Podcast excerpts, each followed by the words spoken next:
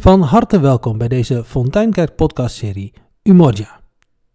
In elke aflevering zoeken we verhalen en inspiratie over kerk zijn met beide benen in het dorp. Dit is wat ik wil dat jullie doen. Hoe laten we iets zien van Gods nieuwe wereld?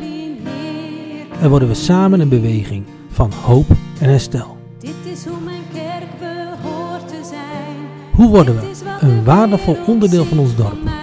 En kan jij je eigen netwerk gebruiken om in woorden en daden het evangelie te delen?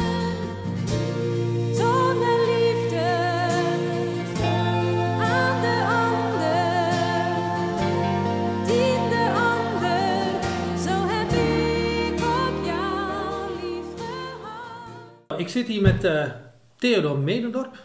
En een eh, aantal mensen uit onze gemeente die, eh, die kennen Theodor al, omdat hij een paar keer hier geweest is om de kringleiders te trainen voor Umodja. Maar eh, we gaan nu eh, met z'n allen uitgebreide kennis maken met Theodor. Theodor, wie, eh, wie ben jij precies? Goed om hier te zijn. Ja, ik ben Theodor, Theodor Medendorp. Ik ben opgegroeid hier in het noorden. Tot, tot mijn achttiende in Assen gewoond. Maar uiteindelijk ben ik in, in Amsterdam beland. Is mijn weggetje zo gegaan. Daar ben ik op dit moment voorganger van, van Hoop voor Noord. En eh, daar woon ik. Ik woon ook in Amsterdam-Noord samen met Garianne, mijn, eh, mijn vrouw. En eh, twee kinderen, zeven en vier, Jonna en Diede. Eh, waar we heel blij mee zijn, waar we van genieten. Ik, kun jij iets vertellen over, over eh, jouw passie en, en, en nou, waarom je in de kerk aan het werk bent zoals je in de kerk aan het werk bent? Ja. Nou, dat wel, eigenlijk is dat wel eh, vrij vroeg begonnen dat ik, dat ik als, eh, eh, ook in mijn, eh, ook in mijn tiende leeftijd had ik wel vrij snel iets van dat ik wel iets, iets met, meer met geloof wilde doen dan eh, ook wel daar een soort van mijn werk van eh, wilde maken. Maar ik wist nooit zo goed precies hoe en wat. Ik ben theologie gaan studeren in, eh, in Kampen. En ik wist niet zo goed of ik dominee wilde worden. En aan het eind van mijn studie wist ik dat nog steeds niet. Maar ik had wel heel erg een, een, eh, nou, een soort verlangen dat ik het wel mooi vond om mijn, geloof te delen met mensen die, die niet, niet opgegroeid zijn met geloof, die niet kerkelijk zijn. Eh, of mensen die zoekende zijn. Dat had altijd wel mijn, mijn, eh, mijn aandacht. Ik heb ook eh, in de zomer meegedaan met evangelisatieprojecten, in een meme-team gezeten. Waarin we langs evangelisatieprojecten op campings en in steden langs gingen om daar een programma te doen. En dan vond ik het altijd ook heel leuk om in gesprek te zijn met mensen die nou, langskwamen of wat zoekende waren. Dus dat heeft altijd wel echt mijn, mijn hart ge- gehad. En mijn weggetje is gegaan dat ik eigenlijk vaak twee dingen gecombineerd heb. Dat ik in de, in de kerk aan het werk ben gegaan als kerkelijk werker, als jongerenwerker, als missionair werker. En ik heb dat ehm, heel lang, of eigenlijk nog, nog steeds, ik heb nu geen vaste baan meer, gecombineerd met onderwijs. Ik heb op een ROC les gegeven. Gegeven heb ik het vak levensbeschouwing gegeven. Ik heb op een middelbare school, HAVO-VWO-school, een levensbeschouwing gegeven. En dat waren ook scholen met, nou ja, in naam christelijke achtergrond, maar eh, de groep leerlingen die ik voor me had was heel uiteenlopend. En eigenlijk in mijn, in mijn werk, eh, voor de kerk ook, vind ik, merk ik dat ik de, ja, het werk op de rand van de kerk, de rand van kerk en samenleving, de mensen die zich daar bevinden en rondlopen, ja, daar, daar, eh, dat vind ik heel fijn om daarmee in gesprek te zijn. Wat is het, zeg maar, in, in, in nou, die rand van kerk en samenleving? Nou, wat wil je graag? Waar, waar zit je passie? Ik ben zelf heel, ik ben zelf heel enthousiast over, ehm, over Jezus. En dat is voor mij ook zelf een ontdekking geweest in mijn leven. Dat ik ben ja, opgevoed met een, in een levende relatie met God. Dat zag ik ook bij mijn ouders. Maar gaandeweg mijn leven is daarin ook gewoon de persoon Jezus ook gewoon eh, concreter geworden. En, en ehm, nou, het is net Pasen geweest. En ehm, ja, dat vind ik een enorm hoopvol feest. Dat, dat, eh, dat, dat Jezus leeft en Jezus is voor mij ook het gezicht van God. En, ehm, en dat gaat niet alleen over de, de verre toekomst, van nou, ooit komt het goed. Eh, maar dat geeft me ook al enorm veel hoop voor vandaag. En, dat, en die hoop, die gun ik gewoon heel veel mensen. En die hoop gaat over alle gebieden van het leven. Dus het gaat niet alleen over leven na de dood of, of dat je hoop hebt als je eh, ziek wordt. Maar dat gaat ook over dat bijvoorbeeld eh, nou, dingen waar mensen nu tegenaan lopen, dat die in dit leven kunnen herstellen of dat die kunnen vernieuwen of kunnen veranderen. Nou, en dat, dat is heel erg de inhoud, hè? En zo- zoals ik jou ken, zeg maar, zit er bij jou ook heel veel passie gewoon überhaupt in het relationele. In, in de verbinding, zeg maar, of dat nou met leerlingen is of, of mensen op de rand van de kerk. Ja, ja leuk dat je dat, dat, dat, dat ziet. En dan, dat, klopt, dat klopt enorm. Ik ben, ik ben een enorm mensenmens. En ehm, ja, ik, ik vind de verhalen van mensen, en van, of dat nou jongeren zijn of eh, ouderen, vind ik gewoon heel interessant. En, en ik hou er ook van om met mensen in gesprek te zijn en dan ook ehm, heel erg te luisteren en dan vragen te stellen. En, en ja, ik, vind het ook heel mooi dat, dat mis- misschien ook wel een beetje vanuit mijn rol of die ik heb, of, dat, eh, of misschien ook wel vanuit mijn persoon, dat weet ik niet. Dat ik ook wel vaak dan snel met mensen, wat op een dieper niveau, eh, met mensen praat over wat, wat, ze belangrijk vinden, wat ze, wat ze lastig vinden in het leven. Dat het al snel gaat over nou, wat meer de diepere dingen van het leven. Dan gaat lang niet altijd over geloof. Ja, het is echt mijn verlangen, zeg maar, om... Ik merk dat mensen eh, ook daar behoefte aan hebben om daarover te praten. Maar dat het daar lang, nou, soms in het leven van mensen en ook tieners niet zo vaak over gaat. Nee. Jij hebt nu een klein beetje onze, onze gemeente leren kennen, hè? De, de, de Fonteinkerk. Je, je werkt zelf nu in Hoop voor Noord. Eh, wa- wat is dat nou voor kerk? Ja, eh, ik, ben, ik ben zeven jaar geleden ben ik bij Hoop voor Noord eh, gekomen als, als tweede voorganger. Eh, ze hadden een extra voorganger nodig. En, Misschien moet moet even bij zeggen, Noord is dan Amsterdam-Noord, hè? Ja, dat is een stukje van Amsterdam wat, wat boven het ei ligt. Ja. Klopt. En dan heb je het inmiddels over 100.000 inwoners. Amsterdam-Noord is van oorsprong een, een, een, dat waren van oorsprong verschillende dorpen die aan elkaar gegroeid zijn. En dat dorpse, dat merk je nog heel erg in de, in, als je in een bepaalde buurt komt. Sommige buurten functioneren echt nog als dorp. Zeker als, eh, als, daar als je kennis maakt met de mensen die daar opgegroeid zijn en daar zijn blijven wonen.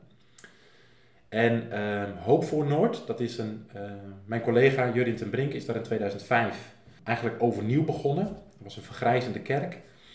En eh, de mensen van die kerk zeiden van nou, ehm, ze zeiden letterlijk, laat ons maar sterven, ook als kerk. Laat ons maar onze gang gaan en als wij over een tijdje er niet meer zijn, geen probleem.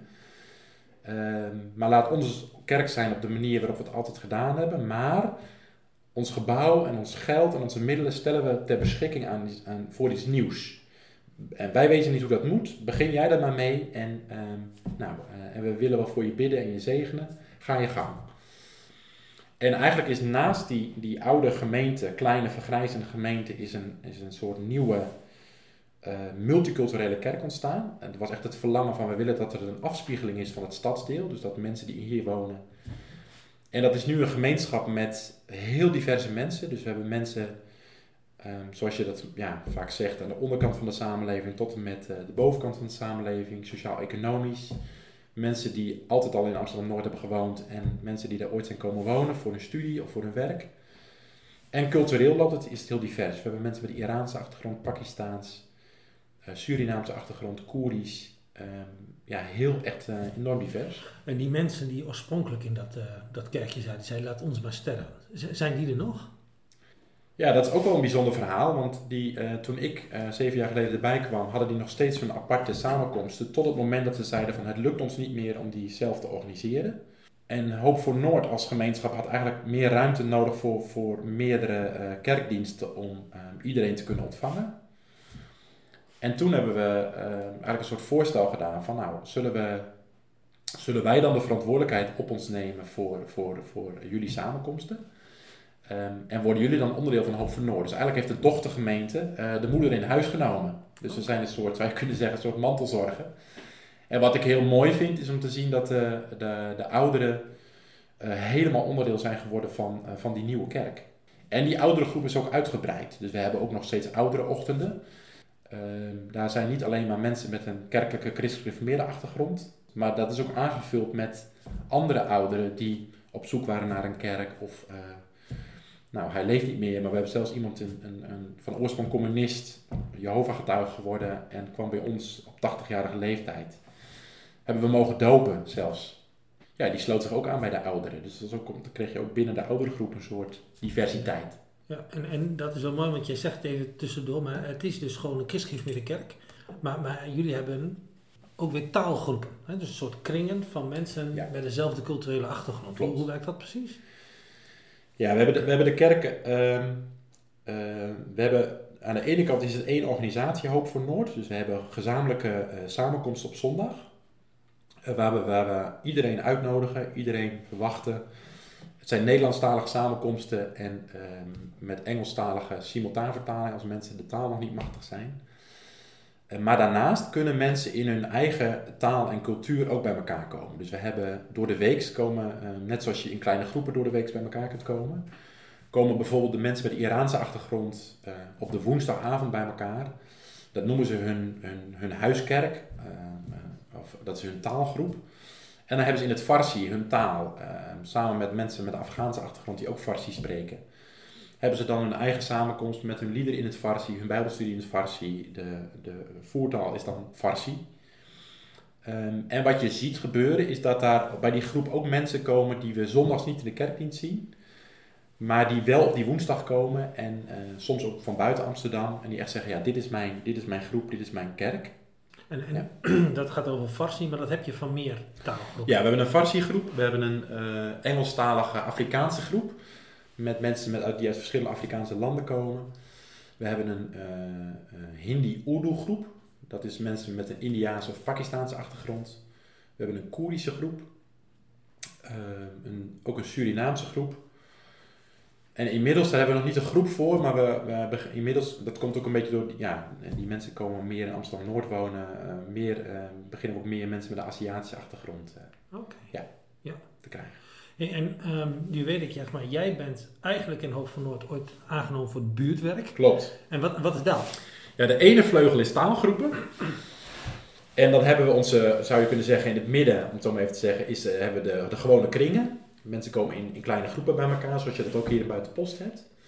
En daarnaast hebben we buurtgroepen. En eh Jurjen, mijn collega, is verantwoordelijk voor de taalgroepen en ik ben verantwoordelijk voor de buurtgroepen. En buurtgroepen zijn eigenlijk, ehm, dat zijn eh, kleine kringen. Eh, het is ook niet heel groot allemaal, dat zijn eh, vergelijkbaar met een huiskring.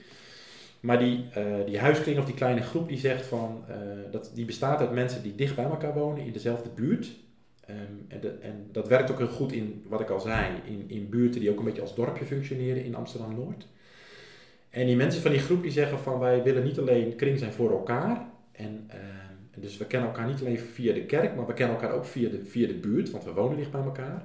En we willen ehm, onze energie en aandacht ook echt richten op de mensen bij ons in de buurt. Dus daar, daar hebben we ook hard voor, daar willen we ook mm, nou, meer in investeren dan nou, wat toevallig op ons pad komt.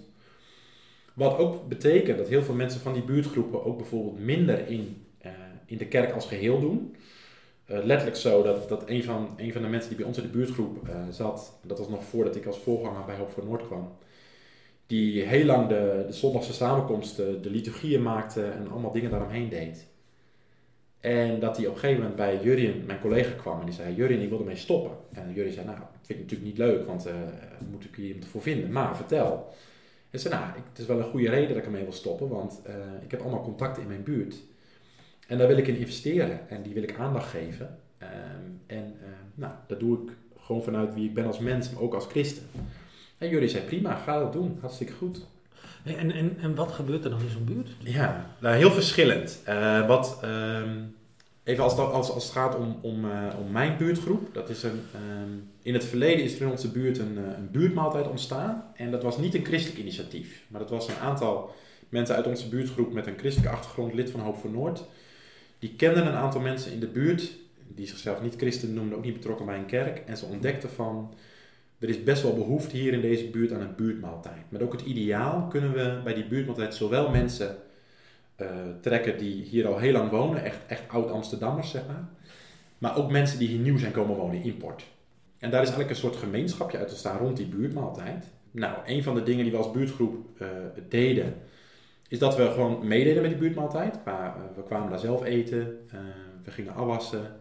Ehm, ik had als taak om bijvoorbeeld de maaltijd te openen, iedereen welkom te heten. Ehm, gewoon ehm, met mensen praten. Mensen... En maaltijd openen betekent dan in dit geval niet eh, bidden en bijbel lezen. Nee, nou wat wel heel leuk was, ook dat heb ik van horen zeggen, toen die buurtmaaltijd ontstond, toen hadden leden van onze buurtgroep helemaal niet zoiets van, nou we moeten per se bidden.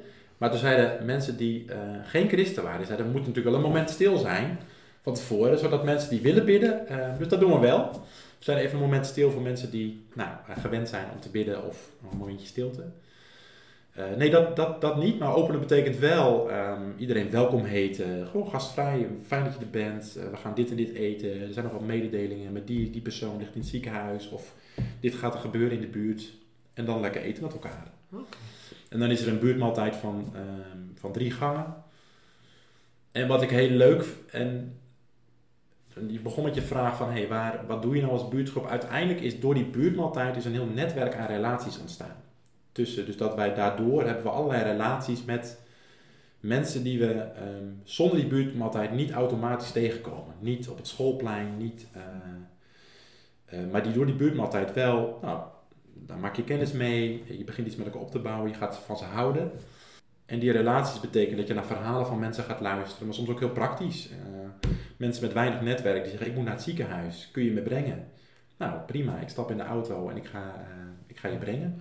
Dus het zijn niet eens zozeer dat je allerlei activiteiten ontplooit in een buurt, maar het is meer dat je volop het netwerk van relaties, eh, dat je daar onderdeel van bent. Ja, we, we hebben wel activiteiten gedaan, maar we zijn er ook echt achter gekomen van dat we ehm, ook wel eens ehm, nou, dat te veel hebben gedaan. We hebben eigenlijk ook ontdekt dat soms ehm, de niet-christenen beter waren en meer tijd hadden om die activiteiten te organiseren dan wij zelf.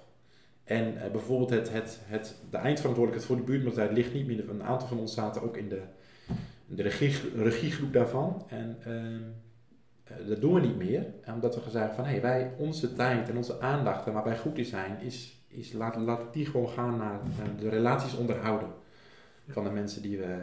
En laten wij meedoen in de activiteiten die er al zijn, in plaats van zelf ehm, nou, onze eigen activiteiten. ehm, ja. En wat we bijvoorbeeld wel doen, is dat we wat heel leuk is in onze kerk, is dat ontstaan dat we, we hebben een eerste zondag van de maand, noemen we dat. Dat is de zondag, of dat, het is op de zondag, eerste zondag van de maand, de zondag voor de buurt. En dan ehm, moedigen we alle buurtgroepen aan, dat zijn er een paar. eh, ga op de eerste zondag van de maand in je eigen buurt een soort samenkomstje doen. En dat is gewoon ehm, koffie drinken met elkaar, bijbelstudie en gebed op een creatieve manier en daarna eten met elkaar. En op dat moment kiezen de mensen van de buurtgroep ervoor om niet naar de zondagse samenkomst in de kerk te gaan. Maar dan zijn ze in hun buurt. En wat wel heel leuk is en wat we ook wel hebben gemerkt, is dat 9 van de 10 keer als ik iemand die ik ehm, ken uit mijn buurt uitnodig voor een kerkdienst in, in Hoop voor Noord, komt hij niet. Eh 9 van de 10 keer dat ik ze uitnodig om bij die buurtgroep aanwezig te zijn, zijn ze er wel. Omdat een lagere drempel heeft, omdat ze ons kennen, eh, dat soort dingen. Kun, kun, kun je nog eens iets noemen wat zo'n buurtgroep doet? Hè? We hebben de buurtmaaltijd. Ik ben gewoon heel benieuwd zeg Ja. maar, van wat, doet, wat doen buurtgroepen nog meer? zeg maar. Nou, we hebben een andere buurtgroep, dat is heel leuk. Die zitten in een wijk vlak bij de kerk. En die, die huizen zijn allemaal heel erg klein. En ik, toen ik daar kwam aan de buurtgroep, zei ik wel van, nou, je kunt gewoon een borrel organiseren. En toen zei diegene die er woonde, ja, dat kan wel. Maar met een, drie, vier mensen zit mijn huis al vol. En toen, eh, wat heel mooi was, toen kwam er een huurwoning vrij, eh, wat, grotere woning. En daar woont een, een echtpaar, die woont op de eerste verdieping. En de tweede verdieping. En de benedenverdieping hebben ze gewoon als algemene buurtkamer voor de buurt ingericht. En, Van hun eigen eh, huis. van hun eigen huis, Zo. wat zij huren. Dat is een, een, wat, een ouder echtpaar waarvan de kinderen uit huis zijn. Ehm, en die hebben er echt voor gekozen. Ze hebben ook een achtergrond in dat ze in een team woongroep jaren hebben gewoond. Dus eh, ze hebben ook wel een soort, nou, een soort, soort DNA van, eh, om, om, om in een bredere gemeenschap te wonen. En wat ze bijvoorbeeld doen is dat ze in die, ehm, die huiskamer beneden, dat ze daar eten met elkaar. En daar ook buurtgenoten voor uit, eh, uitnodigen. Dat ze ehm, op bijvoorbeeld zaterdagmiddag een, een, koffie, eh, een koffiemiddag hebben. eh, koffie drinken met elkaar waar allerlei ehm, oudere mensen komen. Maar ze hebben laatst bij de eh, buurt opschoondag hebben ze georganiseerd. En, ehm, en daar kwamen opeens weer niet alleen ouderen op, op af, maar juist ook weer wat nieuwe, nieuwere mensen die, nieuwe Noorderlingen zoals we die noemen in de buurt Ja. waar ik komen wonen, deden mee. Die groep zit iets meer in het eh, nou ja, zelf dingen ehm, ehm, organiseren. Eh, maar wel heel erg aansluitend bij waar is hier in de buurt behoefte aan. Wat is er iets wat nog niet wordt gedaan? Of, of, eh, Dus je moet eigenlijk niet zozeer heel groots denken. Zeg maar, oh, we gaan dit doen voor de buurt en dat doen voor de buurt. Maar het is veel meer onderdeel zijn, heel bewust van het netwerk van zo'n buurt. Klopt. Ik heb ook bewust, ik noem, wij noemen het eerst altijd buurtwerk. En lag de nadruk op, wij, zijn, wij, doen, wij doen buurtwerk, wij zijn buurtwerkers. En we hebben het, ik heb nu de, de, onze appgroep heb ik gewoon veranderd in, heb ik daar heb ik het ook over gehad, eh, dat heet leven in de buurt. Met de nadruk op, wij leven hier gewoon, wij zijn hier onderdeel van. Wij, zijn, wij willen een, een, een christelijke, een geestelijke familie vormen. In het verlangen en de hoop dat eh, mensen die wij, die wij tegenkomen onderdeel worden van onze familie. Maar of dat gebeurt, dat ligt volledig bij, ehm, bij mensen zelf. En eh, laten we ook over aan God, daar bidden we voor. Hij geeft de vrucht. En we willen ook ontdekken waar God al aan het werk is. Of we willen ook genieten van de dingen die al ehm, gebeuren. Want ook heel veel ehm, ja, mensen die zichzelf geen christen noemen, doen prachtige dingen in de buurt. Zorgen voor elkaar, eh, doen vrijwilligerswerk. eh, met zo'n buurtmaaltijd, iemand staat van half twee tot half zes te koken. Ik heb er geen tijd voor, zij wel. Ehm, dat zijn goede dingen. Het enige verschil is dat ik als christen van die goede dingen zeg, de bron is God. En, en het wordt misschien nog mooier als je God als bron erkent en hem daarvoor dankt. Ehm, terwijl iemand zegt, ja, ik doe gewoon goed. Ehm, en ook al herken ik niet dat dat de bron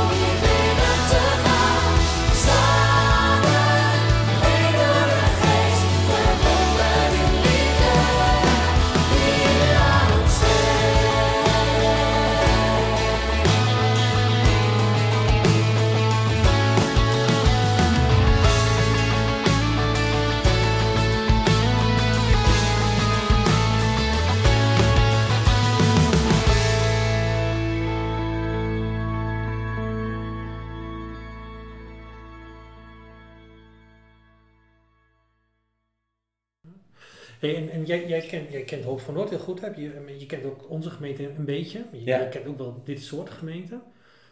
Eh, zijn dit nou twee gewoon totaal verschillende werelden? De wereld Amsterdam en, en, en hier in Buitenpost? Of zeg je van, nou nee, dat lijkt eigenlijk best wel heel veel op elkaar. Nou, kijk, ehm, ik denk dat je qua bevolkingssamenstelling eh, dat, er, dat er een verschil is. Dat, dat ehm, in, in Amsterdam-Noord zit, zit- is veel meer, dat is veel meer een, een, een stadse mentaliteit. Maar er zitten ook heel veel overeenkomsten. En bijvoorbeeld op het, het, het dorpse karakter van heel veel buurten. Dus dat, en, en de manier waarop wij aanwezig willen zijn in Amsterdam-Noord. eh, wat ik al zei, is door een netwerk te hebben van relaties. En wat ik heel ehm, tijdens de, de eh toerustingsavond die we hebben gehad hebben in augustus. Maar ook bij eh, de online toerusting, eh Umoja toerusting in januari. Ehm, en ik heb nog de, de Zoom-aflevering eh, eh, gevolgd. Toen Jurjen uh, Brinke hier, mijn collega hier op bezoek was namens Teer. En met Gebram door het dorp liep en bij een aantal mensen langs ging. Wat ik heel mooi vond om te zien. En daar zie ik echt de overeenkomst. Dat mensen die onderdeel zijn van de Fonteinkerk. op heel veel verschillende manieren allerlei ehm, verbonden al zijn met mensen in Buitenpost. Die niet bij de Fonteinkerk horen. Eh, of is het via de voetbal, eh, is het via eh, creativiteit en kunst, is het via gewoon mensen uitnodigen voor een klaverjasavond. Ik werd er heel blij van. Ik vond het heel mooi om te zien zeg maar, dat er, dat er ja, al heel veel netwerk is. Dus dat er allerlei aanknopingspunten zijn. Ehm, en, dat en het gebeurt ook al, dat mensen samen met andere mensen optrekken, dingen voor elkaar, elkaar betekenen. Ja, en, en zitten dan verschillen? Want ik herken wat je zegt, er gebeuren prachtige dingen. Maar de, de, veel mensen van, eh, vanuit onze gemeente zijn gewoon op allerlei manieren actief in het dorp. Dus die zitten in het bestuur van de voetbalvereniging of van de korfbalvereniging of van een buurtvereniging. Of zijn op allerlei mensen. Ze schenken koffie in bejaardentehuis. Dus we hebben heel veel mensen die zich nou, op allerlei manieren vrijwillig inzetten. Is dat nou hetzelfde wat jij doet met die buurtgroepen? Of, of zit daar ergens nog verschil tussen? Ik zit even te zoeken van, bedoel je verschil tussen Buitenpost en, en Amsterdam-Noord? Of verschil tussen eh, mensen die dat vanuit christelijke overtuiging of niet christelijke overtuiging Nee, wat ik bedoel, zeg maar, en dat is iets waar ik zelf ook wel een beetje naar op zoek ben, is van, ehm, als ik jou hoor vertellen hè, over zo'n buurtgroep, Ja. dan doen jullie allerlei dingen waarvan ik denk, van, dat, doen, dat doet iedereen, of je nou christen bent of geen christen, of Ja. je doet, of mensen in buitenpost doen ook wel zulke soort dingen. Ja. En tegelijkertijd zit er bij jullie een, een idee achter een programma en, en, en doe je het samen en zeg jij van, wij willen een geestelijke familie zijn in deze buurt. Ja. Ehm, en ehm, ik, ik heb hier in Buitenpost wel mensen die zeg maar, bijvoorbeeld in het bestuur van de voetbal zitten of in het bestuur van korfbal. Of die echt veel tijd steken in het dorp en, en ook gewoon op verjaardag gaan bij hun buren. Maar wij zijn veel minder, zeg maar, dat we zeggen van we zijn een geestelijke familie. Eh, da- daar zit ik een beetje naar te zoeken. Ja, ik snap hem. Ja, ik denk dat, dat ehm, in die zin daar het verschil in zit dat je, als je als, als, als buurtgroep optrekt of als groep en je zegt wij doen dit eh, met een bepaalde intentie, en die intentie die hebben wij allemaal, dat je, ehm, ehm, het verschil is misschien dat je, eh, ik merk heel erg dat op, als je zoiets alleen doet, je, maakt alleen contacten, ehm, kan je er ook heel erg alleen voelen. Eh, je kunt moe worden of je begint ergens iets en het, het hangt een beetje af hoe het loopt. Op het moment dat je het als groep doet, kun je elkaar bemoedigen, kun je met elkaar voor mensen bidden, kun je dingen, kun je dingen samen doen. Ehm, en ik merk dat je eh, op het moment dat je dat als groep ook doet en daar een stukje zegt van ja, ehm, ehm, ik wil dit ook echt, of ik, ik, ik committeer me hier aan, ik geef commitment. Dan kun je soms ook de relaties die je hebt met, met mensen, kun je ook uitdiepen. Dus als je je verbindt en zegt van niet toevallig, ik doe iets en vervolgens heb ik druk met van alles en nog wat. Eh, dus wij proberen mensen ook wel echt te helpen van als je die keuze maakt, betekent dat ook dat je iets anders niet kunt doen. Bijvoorbeeld dat voorbeeld wat ik noemde van je bent druk in de kerk, met, eh, heel belangrijk, ook onze samenkomsten eh, moeten goed draaien en ook daar komen, komen zowel christenen op af als mensen die zoekende zijn. Eh, maar dat betekent dat als jij zegt van ik word geroepen bij het spreken in mijn buurt of ik wil dat graag doen, ik heb er passie voor. Wil je dat goed doen, wil je echt die aandacht geven die, die, waar mensen om vragen. Ehm, en wil, wil je ook dat daar wat meer, dat, daar meer want dat, kost gewoon tijd. Met mensen optrekken, mensen beter leren kennen. eh, tot diepere gesprekken komen, dat kost tijd. Dat is niet van, eh, van, van vandaag op morgen. Daar moet je dus ook tijd in investeren. En die tijd kun je niet in iets anders vest- investeren. En ik merk heel vaak wel, en ik weet niet of dat hier bij het is, maar ik merk wel bij heel veel christenen dat die heel erg het verlangen hebben om op te trekken met mensen die geen christen zijn. Dat ze ook het verlangen hebben dat die Jezus leren kennen. Maar dat ze, dat ze zeggen van, dat doe ik erbij, zich niet realiserende dat als je het erbij doet, ga je stapelen, ga je meer doen dan wat er in je agenda past. Dus wil je dat goed doen, eh, en nogmaals, God geeft de vrucht. Wil je dat goed doen, dan eh, moet er iets anders uit je agenda. Moet je iets anders door, doorstrepen. Maar, maar als ik, mooi hè, maar als we nou even, even doordenken, zeg maar, als ik nou bijvoorbeeld hier in Buitenpost kijk, en eh, dan, dan, we hebben hier een prachtige voetbalvereniging. Ja. En, en daar zijn op allerlei manieren zijn, eh, zijn mensen van onze gemeente daar actief. Ehm, en, en ook druk met, met mensen die niet geloven. Dus er zitten mensen in het bestuur van de voetbalvereniging. Ja. Er zijn mensen scheidsrechter. Er staan mensen achter de bar. Er zijn mensen grensrechter of, of, of je leider van een team. En, en sowieso komen je op, zondag, eh, op zaterdag allerlei gemeenteleden tegen. Die, die druk zitten te kletsen met allerlei ouders die niet van onze kerk zijn. Of van andere kerken helemaal niet geloven. Maar als wij daar op zaterdag zijn, dan zijn we met voetbal bezig. Ja. En, en, en niet met geloof. Je gaat niet lopen evangeliseren, zeg maar, langs de lijn. Nee. Dus, dus ehm, wat is nou het verschil, zeg maar, tussen wat wij doen, zeg maar, namelijk gewoon onze schouders onder de voetbalvereniging zetten en zondags in de kerk zitten, Ja. en de buurtgroep in Hoop van Noord. En hoe zouden we dat dan met, met rond zo'n voetbalvereniging, of hoe zou je dat dan aan kunnen pakken? Nou, dat- je zou, je zou met elkaar kunnen nadenken over. ehm, wil, je, wil je alleen contact hebben met die mensen eh, rond die activiteit? Dus dat je zegt van het voetbal verbindt ons. Daar zie ik die mensen eh, eh, die niet in de Fonteinkerk komen, gewoon met dorpelingen, dorpsbewoners, andere dorpsbewoners. Ehm, als we voetbal met elkaar voetballen, dan hebben we even contact met elkaar. En vervolgens zeggen we tot volgende week of tot de volgende training of wat dan ook. Of zeg je, oké, eh, tijdens de voetbal zien we elkaar. Tijdens het voetbal leer ik mensen kennen. Leer ik mensen ook op een andere manier kennen. Als ik dan mijn verjaardag vier. Nou, wat weerhoudt mij om eh, diegene die ik van de voetbal ken ook voor mijn verjaardag uit te nodigen? Ik weet niet of het misschien gebeurt het hoor. Maar ehm, is je bijvoorbeeld het vieren van je verjaardag en nou, als dat die op dat moment weer komt dat we allemaal mensen in ons huis uit kunnen nodigen. eh, hoe, hoe, gemengd is die groep? En zou, zou het interessant zijn of leuk zijn eh, om gewoon ook daarvoor mensen uit te nodigen die eh, nou, eh, niet uit je familie komen, je biologische familie en niet uit je kerkfamilie, maar ook uit je eh, voetbalfamilie. Om die, om die te mixen, eh, eh, ja. Ja, dus, dus eigenlijk zeg jij hè, van dat, dat geestelijke familie zijn, wat je als een kerk eigenlijk bent, dat dat veel meer verweven raakt met wat je op zaterdag of op andere momenten door de week doet, zodat het veel meer een geheel wordt. ja, jij kunt het beter samenvatten dan ik. Nee, maar absoluut. Dat, dat, dat, eh, ja, dat is, dat, is, dat, is, dat is mijn verlangen. En dat is ook met vallen en opstaan. Ik bedoel, dat is eh, ook in onze buurtgroep niet vanzelfsprekend. En, en, ehm, en, eh, maar ik ben, ik ben ook zelf al meer bewust van. Als ik de, verjaardagen die ik vier, eh, vind, ik, vind ik het zelf heel leuk om, om mensen ja, uit te nodigen die totaal niet in mijn Hoop voor Noord netwerk zitten. En mensen van mijn Hoop voor Noord werk, netwerk. En soms vind ik het ook wel een beetje spannend, want gaan die mensen met elkaar kletsen? Vinden ze dat leuk? Ehm, eh, soms botst het ook wel eens. Maar soms ontstaan er ook hele. En, en wat ik wel mooi vind om. ehm, en eh, nou, dan heb ik misschien ook wel weer vanuit de gedachte van dat je. ehm, mensen proeven ook iets van het evangelie en van God niet alleen via individuen, enkele personen, maar ze gaan iets van het evangelie zien ook als ze eh, groepjes mensen bij elkaar zien die, die geloven. Eh, niet alleen op een, op een, tijdens een zonnige samenkomst, maar die met elkaar omgaan. Dus dat je bij wijze van spreken ziet wat het evangelie uitwerkt. Dat mensen van elkaar houden. eh, dat mensen eh, geduld met elkaar hebben. Dat mensen elkaar vergeven. Dat zie je pas als je onderdeel wordt van die gemeenschap. Je ziet ook heel veel lastige dingen. Niet voor niets, zeg maar. Dat bijvoorbeeld vaak niet-christenen onder de indruk zijn, bijvoorbeeld van, kunnen zijn van bijvoorbeeld als iemand ziek wordt rond het ziekteproces met meeleven en begrafenis en noem maar op. Dat ze opeens een gemeenschap zien. Hey, Even, weer terug hè, naar, jou, want je hebt het over Hoop van Noord en over je werk. Maar het is volgens mij meer dan je werk, het is je leven. En jullie, jullie hebben als gezin daar zelf ook heel erg keuze in gemaakt. Ja, Kan, kan je daar iets over vertellen, zeg maar? Want eh, je bent niet gewoon in dienst. Hè? Je, je, je leeft voor een deel van giften. ja klopt. Ja, ja dat, dat, dat- nou, voor, voor mij geldt dat dat ik. ehm, wij, wij, wij, zijn de, wij zijn de stad heel leuk gaan vinden. En ehm, we ervaren ook een roeping om, om in de stad, in de stadsomgeving te wonen. Die roeping is niet voor iedereen er, maar, maar voor ons wel.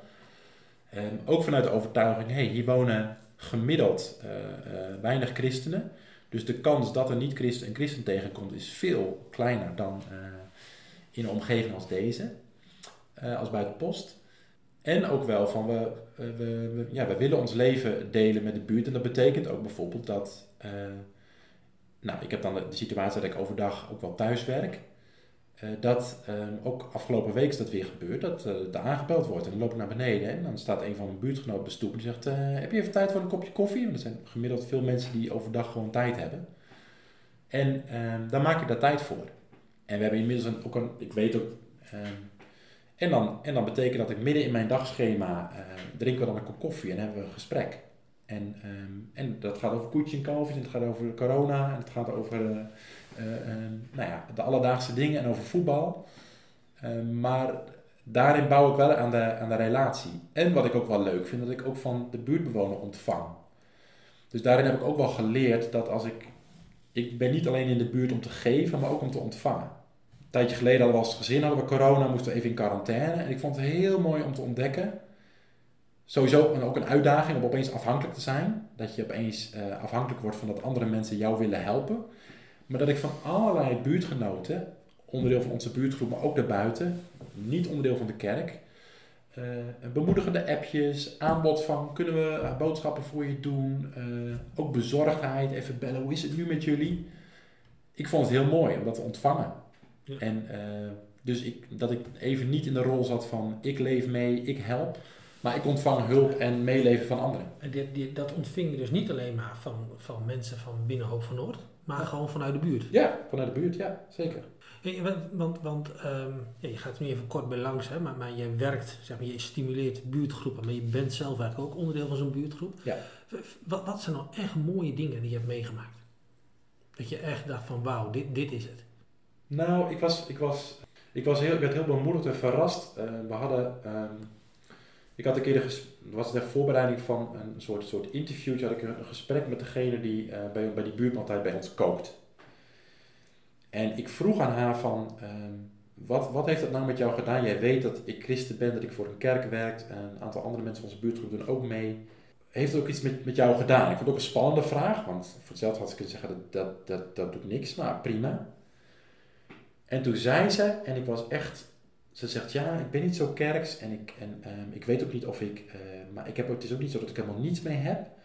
Maar ze zei, door om te gaan met jullie, ehm, ben ik anders naar mensen gaan kijken. Ze zegt, ik had, ik had, wat, ik had eh, wat vooroordelen over mensen die eh, van een andere cultuur, die niet zijn zo- zoals wij, die hier in Nederland in komen wonen. En ze zei, ja, ze, ik ben niet racistisch of zo, maar ik kijk nu wel ehm, anders naar mensen, want het zijn mensen. Elk mens heeft eh, een maaltijd nodig of heeft aandacht nodig. En ik vind nog van alles van het huizenbeleid en het toewijzen van huizen, et cetera. Maar ik ben er anders gaan kijken. En dat heeft te maken met eh, de omgang eh, van jullie. Met jullie. En het verraste mij omdat het nooit mijn vooropgezette agenda was dat dat zou gaan gebeuren. Maar dat het blijkbaar je gegeven wordt gewoon door met mensen om te gaan. En, en dat is maar iets heel kleins. Ehm, of dat, dat, dat ja, ik opeens gevraagd word in het begin dat ik heel erg met die buurtmaaltijd eh organiseerde ook iets rond kerst. En we waren er heel terughoudend in om dan daar iets heel christelijks van te maken. Toen we uit, het uit de handen gaven, wij hebben niet meer de verantwoordelijkheid erover, dat ligt bij, bij onze buurtbewoners, maar wij doen wel mee. Toen opeens kwam de vraag naar mij toe, hey Theodor, jij bent pastor van een kerk, jij bent goed in verhalen vertellen. Wil jij het kerstverhaal vertellen tijdens de buurtmaaltijd? Ik zei, prima, ik ken allerlei verhalen. Wat verhaal moet het zijn? Nee, het christelijke kerstverhaal. Want dat is het kerstverhaal. Eh, of, of zoiets, of wat erop lijkt. Nou, en dus dat je, je krijgt eigenlijk de, de credits, het krediet, eh, ja, van eh, wil jij dat doen? En dat vond ik, en dat heeft mij ook wat ik, dat heeft mij geleerd om ontspannender daarmee om te gaan. Dus dat ik ontspannender ben in, ik leef mijn leven vanuit de liefde van Jezus. En, ehm, en dat is voor mij al een soort uitdaging. Wat betekent dat dan? Hoe beïnvloedt dat leven dan? Zonder, ehm, zoveel mogelijk zonder agenda en vooropgesteld doel van ik wil dat doel bereiken. En ik laat wat het oplevert, eh, die vrucht laat ik over aan God. Ja. En in dat, dat leven maak ik wel bewuste keuzes. Dus ik maak wel bewust keuzes van, ehm, ik besteed meer dan gemiddeld tijd aan, aan die en die mensen, omdat het mijn mensen zijn die bij mij in de buurt wonen. Waardoor ik bijvoorbeeld minder tijd heb om met mijn biologische familie alle verjaardagen bij langs te gaan. Of, eh, nou ja, noem maar op. En, en, en ehm, zie je dan God aan het werk? Ja, met, met een mooi woord zie je, noem ik je dat sporen van het koninkrijk noemen. Eh, ja, ik, ik zie God aan het werk.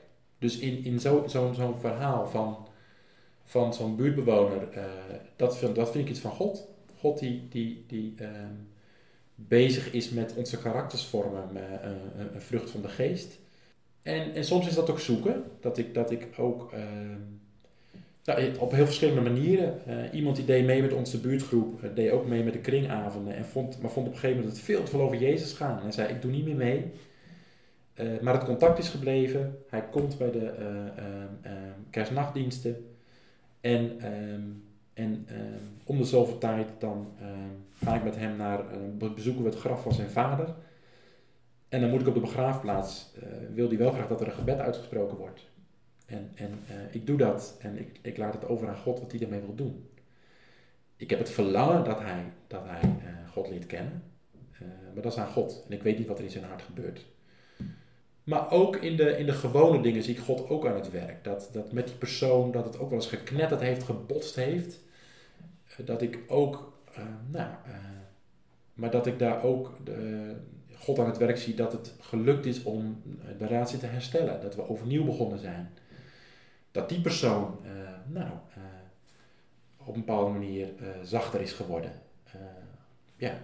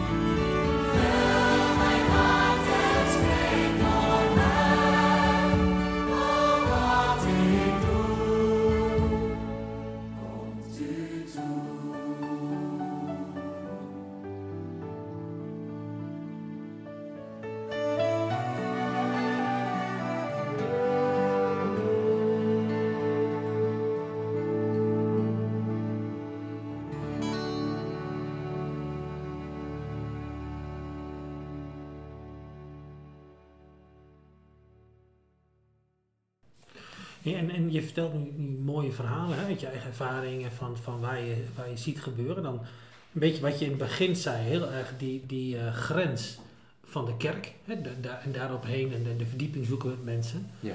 Ehm, wil, wil jij nou mensen ook redden? Ja, als ik, als ik te- eh, ehm, ten diepste wil ik mensen redden, alleen ik besef wel goed dat ik niet hun redder ben. En dat ik ook lang niet altijd als mens ehm, niet, niet precies weet waar die, waar die persoon zit. Ik weet niet eh, wat er in het hart van mensen omgaat. Daarvoor is het nodig om mensen langer te leren kennen. Ik denk dat mijn plaatje breder is. Ik verlang ernaar dat het koninkrijk van God meer zichtbaar wordt. Dus dat het, dat dat het zichtbaar wordt in, in, in hoe mensen omgaan met, hun, eh, met, met de natuur, met hun omgeving, hoe mensen omgaan met elkaar. En, en in, in dat koninkrijk verlang ik ernaar dat de, de koning van het koninkrijk zichtbaar wordt, Jezus. En, en, en ik geloof dat de redding ermee te maken heeft dat mensen uiteindelijk die bron van het koninkrijk, die koning van het koninkrijk gaan, gaan erkennen. Maar nogmaals, hoe dat werkt en hoe ze die persoon leren kennen, eh, eh, dat is niet aan mij, maar dat is aan God. En, en, en, en, en ik ben er onderdeel van. En ik dank God voor al die sporen van het koninkrijk. Als het koninkrijk zichtbaar wordt, als er meer van, van, van, van Jezus koninkrijk zichtbaar wordt. Ook als mensen eh, niet openlijk zeggen Jezus is Heer, dan ben ik daar heel blij mee. En tegelijk blijf ik verlangen, misschien is het meer vanuit verlangen. Dat ik, ik, ik verlang ernaar dat mensen ook ehm, die koning erkennen. Ja. Eh, Dit is interessant, hè? want, want ehm, kijk, wij zijn hier in Buitenpost met de Umoja bezig. Ja. Jij coacht ons daarbij. Ja, Ehm, en dan, en dan eh, worden we getraind om dingen te gaan doen hè, voor, voor het dorp. Maar, maar de, de vraag die dan bij veel mensen wel leeft, is: wij gaan van alles doen voor het dorp en mooie dingen. Maar wanneer komen die mensen nou in de kerk? Nou, misschien, misschien komen die mensen nooit in de kerk. Eh, dus dus eh, eh, wat ik even schetste van, misschien komen ze alleen bij, jou, bij jouw kleine groep. Of hebben ze alleen contact met jou. Ehm, en komen ze nooit in de kerk omdat die vorm niet bij hun past, omdat de samenkomst niks voor hun is. Ehm, of dat ze alleen met kerst bij de kerk komen ehm, en eh, een mooie bijeenkomst hebben. Maar, maar waar doen we het dan voor? Ehm, we, eh, we leven niet ons leven, zeg maar, om mensen naar de zondagse samenkomst om in de kerk te krijgen. We leven ons leven om ehm, eh, te leven in verbinding met God en met de mensen om ons heen. En vanuit die relaties, in die relaties, denk ik, wordt het koninkrijk van God zichtbaar. En nogmaals, ik heb daar nog echt het verlangen bij dat mensen Jezus leren kennen. Maar dat is niet aan mij. En tegelijk, en, ehm, en, eh, en God is ook aan het werk, ook als ik er geen zicht op heb, of als het buiten mij omgaat. Gaan ook zoveel dingen buiten mij om. Of dat ik verrast word door wat God aan het doen is. ehm, en ik heb er totaal niet de hand in eh, gehad. Of ik word geconfronteerd. Dat ik zelf eh, veel minder van het koninkrijk laat zien dan mijn niet-christelijke buurtbewoner. Die tijd en energie eh, besteedt aan iemand. Of soms makkelijker over dingen doet dan ik. Nou, eigenlijk, ja, dan probeer ik je even samen te vatten. We zijn, we zijn met, met Umoja bezig.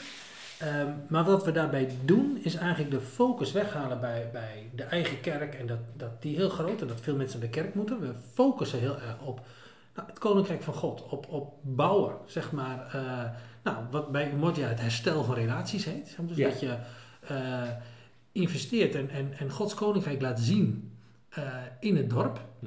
Ehm, daar richten we ons op. En eh, uiteindelijk is het natuurlijk ons verlangen dat, dat mensen Jezus leren kennen. Zeker. En dat ze de kerk binnenkomen. Ehm, maar dat is niet waar je je op richt, zeg maar. Je bent, je bent bezig om, om Gods koninkrijk zichtbaar te maken. Zijn liefde te laten zien. Zijn goedheid te laten stromen. Ja. En ehm, als je daarop richt, zul je verrast worden dat er ook mensen eh, aanhaken bij de kerk. En dat er ook mensen Jezus leren kennen.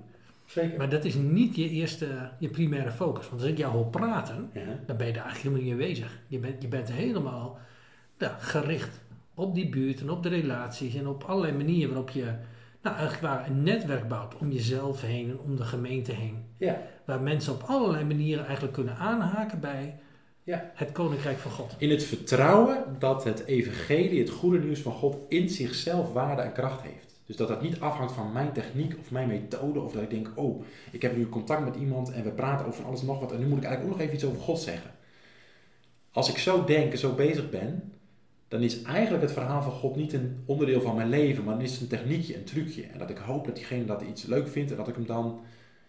Terwijl het, het omgaan met mensen die geen christen zijn of anders zijn. En ik confronteer mij ook, het doet mij nadenken over, is het leven met God nou ook een soort ehm, automatisch onderdeel van mijn leven? Of staat het er stiekem ook een beetje los van? Dat ik mijn leven leef en ik doe allemaal goede dingen en ik heb ook nog mijn vakje kerk en geloof. En ik wil eigenlijk dat die mensen die, met wie ik het, leven deel, ook een stukje vakje kerk en geloof komen. Eh, geloof, geloof krijgen of daarin in, in, in dat vakje terechtkomen. Terwijl ik denk, nee, ehm, ehm, laat ik zelf maar mijn leven leven met Jezus en, God als, als, als bron en als automatisch onderdeel van mijn hele leven. En als dat zo is, dan kan ik ontspannen en, en bezig zijn. En, ehm, en misschien ook wel intentioneel dat ik God vraag. God, wilt u mij dan ook opmerkzaam maken op die momenten dat ik niet moet zwijgen, maar juist wel iets moet zeggen? Of in naam van u moet spreken. Of zeg ik stuur bemoediging en mij de vrijmoedigheid geeft. En die bemoediging is niet een of andere mooie quote die ik ergens gevonden heb, maar dat is een tekst uit de Bijbel. Maar soms is het helemaal niet gepast. Of soms ehm, werk je, be- bereik je daarvan het, te- het tegenovergestelde. Eh, Dus als, als ik jou voorstel hè, in, in Amsterdam, dan is daar niet een man in de buurt die de hele dag eh, loopt te evangeliseren en aanbelt en eh, het evangelie uitlegt. Nee, klopt. Zo, zo, zo, zo doe ik dat niet inderdaad. Nee, nee. Dus eigenlijk zou je kunnen zeggen, ehm, op heel veel verschillende manieren. Bij de een drink ik een kop- koffie en eh, breng ik naar het ziekenhuis en vraag hoe gaat het met je en trek je het. Voor een volgende doe ik een boodschap. Ehm, eh, weer een ander ontvang ik en geniet ik van dat diegene ehm, iets betekent voor mijn dochters en een soort ja, eh, vriendelijke oom of een soort vriendelijke oma is. Ehm, en, en kan ik daarvan genieten. En geniet ik ervan dat mijn dochters dat leuk vinden. En dat het voor die persoon ook leuk is. En nog weer een andere persoon eh, die zegt van ja, eh, ik, ga, ik ga trouwen. En op latere leeftijd, na wat relaties achter de rug, van we willen toch, nu, nu toch echt gaan trouwen. Maar ja, we willen toch ook een soort ritueel van bij. En wil jij dat doen? En nou, dan denk ik erna over. Het is geen kerkdienst, het is geen kerkelijke trouwdienst, maar ze willen wel iets met God. Nou, en dan ga ik nadenken over, kan ik, kan ik hier woorden van God laten klinken? Kan ik hun een soort belofte laten afleggen? En eh, ik pak 1 Korinthe 13 over de liefde erbij. En eh, we maken er een mooi feest van. Maar heb je ook wel eens meegemaakt dat mensen tot geloof kwamen? Ja, dat is. ehm, en in al die, al die, ehm, al die, eh, al die verhalen zie ik, daar merk ik dat relaties een hele grote rol spelen. Dus die mensen die, die, die we mochten dopen, dat, daar, dat daar een belangrijke, een, een andere relatie in een rol gespeeld heeft. Het zij gewoon, zeg, zou je kunnen zeggen, een liefdesrelatie, maar ook gewoon eh, buurtrelaties. Dat mensen tot inzicht zijn gekomen van, hé, hey, we hebben iets gezien bij die andere persoon die we mochten dopen. En ik trek nu bijvoorbeeld met, op met iemand die, heel, die zelf vanuit zijn passie en drive actief is in de buurt. eh, voor zijn, zou ik, zou ik zeggen, eigen soort mensen. En voor wie ik nu een soort ja, persoonlijke pastor ben. Die regelmatig zijn verhaal bij mij kwijt wil, eh, omdat hij dat nodig heeft. Hij komt ook af en toe bij ons in de samenkomsten. Maar verder speelt zijn hele leven zich gewoon af eh, buiten het Hoop van Noord netwerk. Maar die, die aangegeven heeft van ja, ik, ik, eh, ik denk dat ik nog wel eens een keer gedoopt zou willen worden. Maar ik, volgens mij ben ik er nog niet klaar voor. Ehm, en ik mag hem dan uitleggen dat dat, je, ehm, dat dat kan. Maar dat doop niet betekent dus dat je hele leven op orde moet hebben. Maar doop een begin is van iets. En ik weet niet waar het uitkomt. Ik weet niet of hij zich laat dopen. En als hij zich laat dopen, of hij dan ook helemaal onderdeel wordt van de kerk of niet. Eh, we gaan het zien. Nee, dus je zegt van, weet je, als mensen tot geloof komen, dan, dan vier ik dat. Daar ben ik ontzettend gelukkig mee. Ik wens dat mensen Jezus erkennen. Eh, maar het is niet waar je op gefocust bent. Zeker. En eh, dus ik heb een hele brede focus. En gewoon dat met, met een moeilijk woord holistisch, dat het mensen in alle opzichten fysiek, dus lichamelijk, geestelijk, mentaal, eh, maar ook spiritueel goed gaat. En ook al heb ik de overtuiging dat, dat ehm, geestelijk, dat, dat eh, lichamelijk welzijn en dat het mentaal, dat, dat goed met je gaat, dat dat alles te maken heeft met de relatie met God. Ook al is dat mijn overtuiging, nou, ben, ben ik er tegelijk van overtuigd dat, er, dat, dat de, de wegen van God op allerlei manieren gaan en dat, dat er allerlei herstel mogelijk is. Zelfs als mensen blijven volhouden, ik geloof niet in God. Eh, maar dat dat tegelijk toch dingetjes van God kunnen zijn. En, en de rest laat ik over aan God. Come say rule and reign in our hearts again. In us, we pray. Unveil while we may. Come set our hearts ablaze with hope, like wildfire in our very souls. Holy Spirit, come invade us now. As we are your church, and we need your power. All right, let's go. Your kingdom first. We hunger and we thirst. Refuse to waste our lives. For you're our joy and prize. To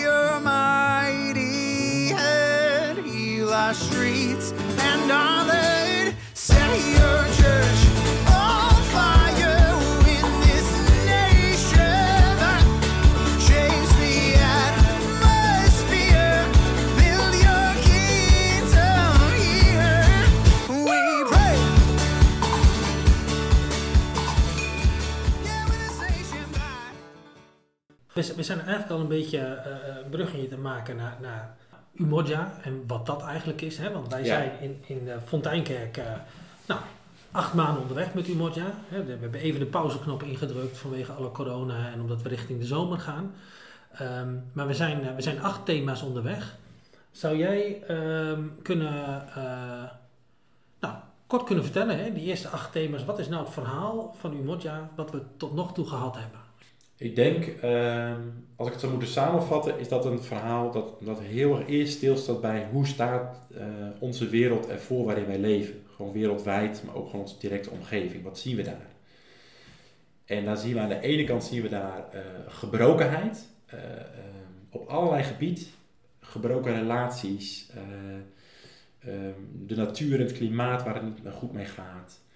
Mensen die het moeilijk vinden om God te ervaren een soort ontdekking van hey, die, die eh, gebrokenheid heeft alles te maken met er is iets verstoord tussen mensen en God. Waarbij we de volgende stap hebben gemaakt van hé, hey, maar ehm, eh, God heeft zijn wereld niet losgelaten en er zijn heel veel dingen van God overgebleven die God doet. door mensen heen, eh, buiten mensen om, die hij, eh, God wil de relatie herstellen. Nou, hij, hij doet dat door, hij heeft dat gedaan door zijn zoon Jezus. Ehm, heeft hij gezorgd voor herstel en hij gebruikt vervolgens de volgelingen van Jezus, wil hij gebruiken om zijn, ehm, nou, eh, zijn koninkrijk nu al zichtbaar te maken. En daarmee mensen uit te nodigen om onderdeel te worden van dat koninkrijk. Waarbij eh, niet alleen individuen die Jezus willen volgen, maar ook een eh, gemeenschap waar we het eigenlijk over gehad hebben, die buurtgroep of die kerk als gemeenschap, Gods middel is om, om eh, iets van het, van het koninkrijk zichtbaar te worden. Wat je bijvoorbeeld in, dan zit je van Pasen, ben je al bij Pinkster aangekomen. Wat ik zo mooi vind aan die, aan die, eh, die eerste gemeente die in handelingen beschreven wordt, die eerste christengemeente, die laat al iets zien, dat is een soort, soort illustratie eh, van wat een nieuwe familie, een nieuwe gemeenschap, eh, dat is een enorm voorbeeld van het koninkrijk van Jezus. Mensen die voor elkaar gaan zorgen, mensen die zeggen, mijn bezittingen, mijn geld, dat hou ik niet alleen voor mezelf, maar dat deel ik.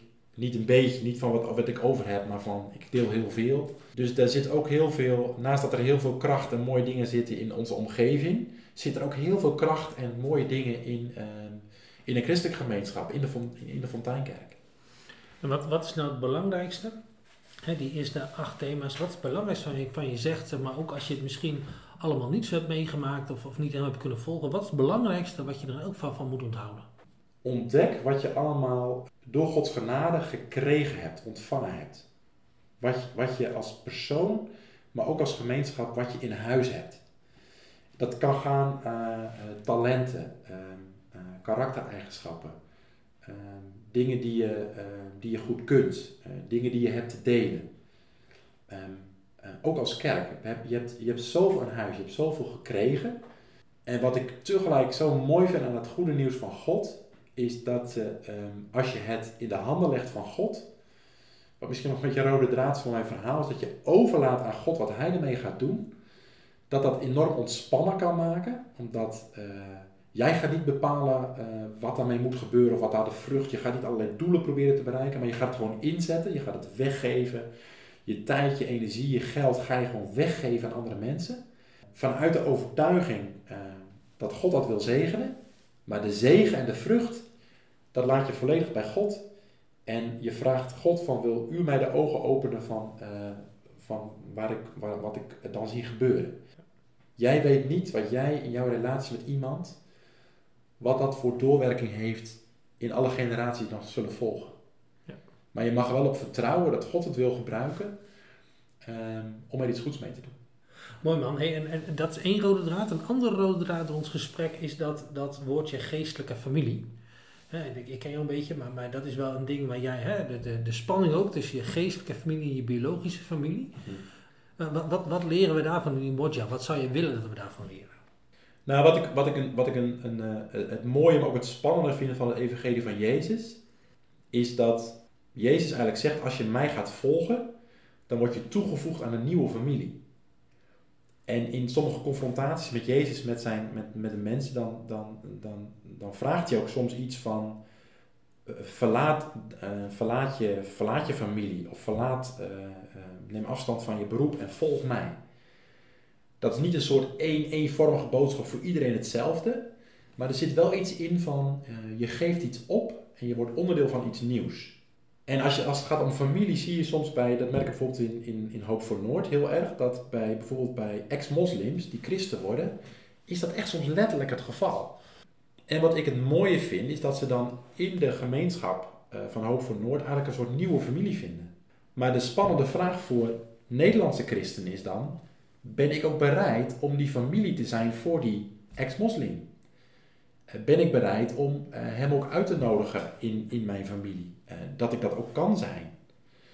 Ehm, en wat leert mij dat verhaal van die ex-moslim over hoe ik zelf omga met mijn biologische familie en mijn geestelijke familie? Om het bij, mij- bij mij persoonlijk te houden, ik, ehm, ik woon op dit moment niet dicht, bij mijn, eh, niet dicht bij mijn moeder. En dat vinden we soms ook wel lastig, ook als het soms niet goed gaat. Eh, en toch ben ik heel blij dat ehm, eh, mijn moeder blij is en het oké vindt dat ik in Amsterdam woon en dat ik daar mijn geestelijke familie heb. En tegelijk betekent dat dus een keus dat ik op een bepaalde manier minder investeer in mijn biologische familie eh, dan in mijn geestelijke familie. En dat is denk ik ook wel een soort uitdaging voor ons als christenen. Dat als het puntje bij het paaltje, bij het paaltje komt, zeg maar. eh, ja, ehm, gaat dan je biologische familie voor?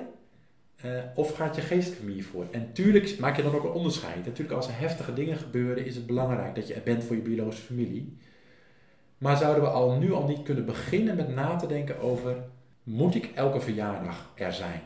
Van welk familielid dan ook. Wat is de verhouding tussen de, de tijd en de energie die je investeert om met je...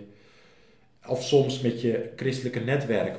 Komt er niet een moment dat je zegt... Hé, hey, eh, daar investeer ik minder tijd omdat ik bereid ben meer tijd te investeren in mijn geestelijke familie en de, en de rand daaromheen en de lokale plek waar ik woon en werk. Dus dat geldt niet alleen maar voor Amsterdam-Noord, waar je moslims hebt die een nieuwe familie nodig hebben, maar ook in Buitenpost. Ja. En dan gaat het niet eens alleen om moslims, maar letterlijk mensen in de buurt die wel eens gezegd hebben van, eh, die ook een, een, een netwerk achter, die, die nauwelijks netwerk hebben, die zich eenzaam voelen. Het zijn gewoon autochtone Amsterdammers die ruzie hebben met hun familieleden. Of waarin relaties verstoord zijn. En dan ervaren dat ze, dat ze een soort nieuwe familie krijgen door de nieuwe contacten die ze opdoen in de buurt. Eh, of met ons. En onderdeel worden van een nieuwe familie. Dat is zo belangrijk voor mensen. En ergens ehm, is dit ook een belangrijke les in Umortia. Hè? Dat gaat heel erg over verworteld zijn. Hè, dus dat je ehm, eh, niet zozeer blijft hangen in wat jij dan noemt je biologische familie, maar dat je echt kiest om te investeren en, en te, echt familie te worden van, van de mensen met wie je kring bent of met wie je gemeente bent. Dus te investeren in je geestelijke familie. Ja. Maar eigenlijk ook weer een stap verder. Dat je niet alleen maar nou, jezelf tijdelijk ergens parkeert in een dorp waarin het toevallig goed wonen is. Maar dat je als kerkgemeenschap ook echt verwortelt in het dorp waar je zit. En dat je onderdeel wordt van dat dorp. En niet alleen maar denkt van nou ik woon hier een tijdje, ik heb het goed in de kerk voor mij. En dan nou, gaat mijn leven ergens anders verder. Maar dat je werkelijk eh, je wortels eh, uitslaat, zeg maar, in Ja. je geestelijke familie en in het dorp waar je woont. Ja. Ik vind het ook heel leuk dat in het emotiemateriaal ook van die, van die oefeningen zitten. Van ga nou eens door je dorp lopen en maak foto's van eh, waar je schoonheid ziet, waar je het koninkrijk van God ziet of waar je de gebrokenheid ziet. Dat bijvoorbeeld een oefening die je heel erg helpt om bij jezelf na te denken van, nou, ehm, wat heb ik eigenlijk met mijn directe omgeving? Misschien herken je het wel dat je zo gedachteloos eh, of met je los van je omgeving je fietst naar, eh, nou, je fietst naar het station je pakt de trein en je gaat naar je werk en je hebt daar je netwerken. En dus om ook soms ook heel bewust stil te staan van hoe, hoe, ehm, hoe geworteld ben ik eigenlijk in mijn dorp. En Ben ik alleen geworteld in de voetbalvereniging of ben ik ook geworteld in mijn directe omgeving? Ehm, en dat kan door oefeningen, door rond te lopen, door na te denken, door een oefening van ga nou eens regelmatig bidden voor de mensen die jij af en toe tegenkomt, of die eigenlijk al heel vanzelfsprekend zitten in je netwerk. Begin dan maar eens gewoon om daarvoor te bidden en dat niet één, één keer te doen, maar gewoon regelmatig. Gebeurt er dan wat? Ga je dan anders naar die mensen kijken? Ga je ze zegenen in, je, in jezelf? Dat je het goede toewenst? Uh, mooie, mooie tips, Theodor. Laten, we- laten we daar eens naartoe gaan. Hè? Want wij, wij zijn in, in Buitenpost het oefenen en leren. En, en dat is best een uitdaging in coronatijd. Ja, maar, maar ik zie dat mensen ehm, nou, daar gewoon heel serieus mee bezig zijn. En eh, nou, ik vond het mooi om, eh, om heel veel bemoediging van jou te horen. Maar, maar ehm, heb je nou tips zeg maar, van hoe kunnen we nou leren, oefenen om dit ook echt te gaan doen? Om dit handen en voeten te geven? Nou, zeker in deze tijd wil ik echt je bemoedigen en aanmoedigen van, ehm, even heel zwart-wit, ik weet niet of dat voor iedereen zo geldt, blijf niet hangen in van, oh, we kunnen niet als groep bij elkaar komen, dus dan kunnen we niks. Ehm, eh, het is in dit land, in huis en buitenshuis, nog altijd toegestaan om mensen te ontmoeten. Even als, al even als voorbeeld, hè? Dus de, ik zag die, in, de, in die Zoom-aflevering bijvoorbeeld dat, men, dat een aantal mensen iets wilden met, willen graag iets met kunst. Je zou erover kunnen nadenken om nu al ehm, na te denken over van, zolang we dat niet als groep kunnen doen, kunnen we bijvoorbeeld iets met duo's doen. Dat eh, iemand, eh, een kunstenaar iemand anders ontmoet en ehm, binnen alles wat mogelijkheid is, ehm, iets gaat ontwerpen of maken. Ehm, en een ander duo doet dat ook. En ergens verbind je dat weer met elkaar en wissel je dat uit wat je gedaan hebt. Ehm, ja, zoiets. Of dat je, dat je ehm, iets online organiseert. Of dat je eh, bijvoorbeeld in, in, in tweetallen eh, dingen met elkaar gaat doen. En dat kan dat je heel fysiek contact zoekt. Het kan dat je zegt van ik, ik committeer me door regelmatig met die persoon eh, contact te hebben. Het zij dat we gaan wandelen door het dorp. Het zij dat we samen iets gaan, samen gaan sporten. Het zij dat eh, vanuit die relatie we ook tussendoor elkaar appjes sturen, of wat dan ook. Eh, dus op die manier zijn er, zijn er natuurlijk allerlei, allerlei dingen mogelijk. Ik vond het bijvoorbeeld heel mooi om te merken bij ons in Amsterdam dat wij ook wel een beetje aan het zoeken waren van moeten we nou wel samenkomsten organiseren of niet. Eh, mijn collega Jurien had een gesprek met een aantal stadsdeelbestuurders en ook mensen van de politie. En we waren heel blij dat die eh, niet reageerden van, eh, vanuit de verhalen uit Staphorst en andere streken in het land van doe dat nou alsjeblieft niet, kun je niet maken. Maar we kregen eigenlijk tot onze verrassing de andere reactie. Eh, prima dat jullie ehm, ehm, samenkomsten organiseren met maximaal 30 mensen. Doe dat verantwoord, maar wij zijn er blij mee omdat wij beseffen dat jullie een soort buurthuisfunctie hebben. En dat het belangrijk is voor kwetsbare mensen om, um, om nog in ieder geval eh, dat lijntje te hebben. En ehm, nou, dat was voor mij echt een verrassende aanmoediging van nou, eh, blijkbaar eh Jurin die in de buurt van de kerk bloemetjes uitgedeeld heeft. ehm, geen enkele buurtbewoner die er een soort kritische noot over had dat rondom die kerk op zondag daar mensen zijn en daar bij elkaar komen. Hey, mooi hè, maar e- e- even terug naar, naar Buitenpost, terug naar Ja. los van corona. Je, je, je hebt een heel klein beetje iets van, eh, van ons dorp en onze gemeente gezien. Eh, heb je dingen waarvan je zegt van nou weet je, als ik aan Buitenpost denk, denk van oh, dat moet je gaan doen. Of, of hier moet je eens aan denken. Nou, ik, wat, ik, wat ik heel leuk vond, en dan, kom ik weer even op die, op die eh, toen hier de bezoek bracht, ik, ik vond het heel leuk de diversiteit. Dat het ging over kunst, dat het ging over natuur rondom de kerk en dat het ging over klaverjasavonden, kampvuuravonden. Ehm, ik was heel verrast door die diversiteit. Eh, dat er dus op heel veel verschillende niveaus, manieren, relaties zijn met mensen. Ik zou echt willen aanmoedigen om, als ik de Fonteinkerk zie, eh, dat dat je dat vanuit hetzelfde DNA, vanuit dezelfde motivatie doet met z'n allen en dat je daarin elkaar bemoedigt. Maar dat je tegelijk kiest voor, dat kan dus op heel verschillende manieren. Dus als de een een roeping heeft van ik heb veel met kunst en creativiteit, daar wil ik contact maken met mensen en eh, relaties opbouwen, genieten van de kunst die andere mensen inbrengen en kijken wat God daarin wil doen. Eh, prachtig, ga dat doen. Terwijl een ander zegt van nee, ik heb veel meer met klaverjassen of met eh, eh, een kampvuurtje maken en eh, lekker praten met elkaar. En de volgende zegt, ik heb veel meer met laten we gewoon ons bezighouden met de natuur. Eh, ja, die verschillende, om het zo maar even te zeggen, al die verschillende bloemen, eh, laat die allemaal bloeien. Eh, en, en, en, en vertel elkaar daar verhalen over en inspireer elkaar daarmee. Waarbij je het verbindende element is, de strik eromheen is het gezamenlijke DNA wat je hebt, namelijk wij vinden het belangrijk dat op de heel diverse manieren het koninkrijk van God zichtbaar wordt in buitenpost. Hey, en, en zeg maar, wat, wat moet er nou gebeuren? Ehm, dat, dat jij zo enthousiast wordt, zeg maar, over wat hier in Buitenpost gebeurt, dat je, over, dat je bij spreken in heel Nederland zegt, jongens, ik heb een gemeente begeleid in Buitenpost. Daar gebeurt iets gaafs. Wat is er dan hier gebeurd? Waar ik op hoop, wat ik heel mooi zou vinden, is dat, eh, dat die verschillende bloemen die dan bloeien, die verschillende groepjes die er zijn, dat dat, dat, dat meer groepjes worden. Dus dat er eh, eh, meer groepjes komen met een, hun eigen karakter en hun eigen relationele netwerk. En alle mensen van, die lid zijn van de kerk die geen onderdeel zijn van zo'n groepje, dat die dat wel ondersteunen. Met gebed, met eh, eh, eh, heb je me nodig om koffie te schenken, met dat er ook goede samenkomsten zijn. Dat is als het gaat om het plaatje van de Fonteinkerk buiten post.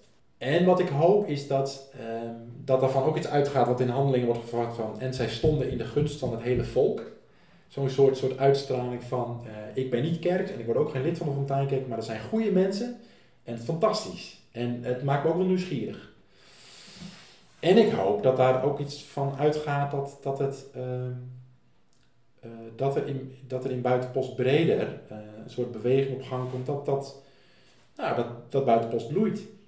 Dat de mensen eh, die, die een lastige verhouding hebben binnen hun familie, omdat er relaties stuk gegaan zijn, bijvoorbeeld door conflict of wat dan ook, dat je iets ziet van er zijn conflicten opgelost. Ehm, of er is een beweging dat voor een bepaald goed doel eh, enorm veel geld wordt opgehaald. En dat daar allerlei mensen aan meedoen, meer dan er nu aan meedoen. En dat er meer dan gemiddeld wordt opgehaald. Eh, ja, dat dat de krant haalt, zeg maar. Hey Theo, dankjewel. Dit is een tof gesprek.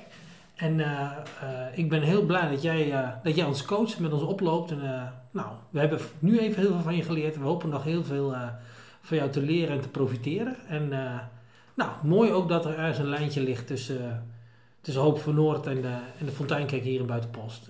Dankjewel. Graag gedaan, heel leuk. En ik vind het ook super om eh, ja, jullie te mogen begeleiden. En ik zie mooie. Ja, ik ben echt. Wat ik wel mooi vind, dat, dat ik ook echt wel.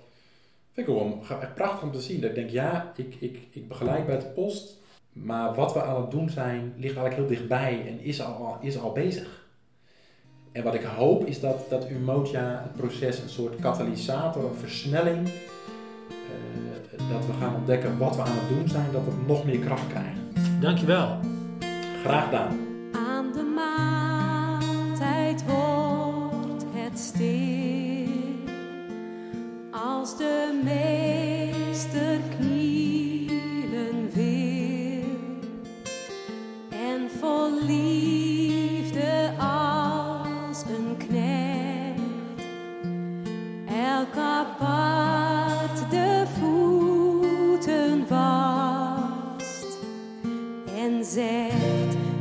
Wat ik wil dat jullie doen. Dit is waarom ik bij jullie neerkniel. Dit is hoe mijn kerk behoort te zijn. Dit is wat de wereld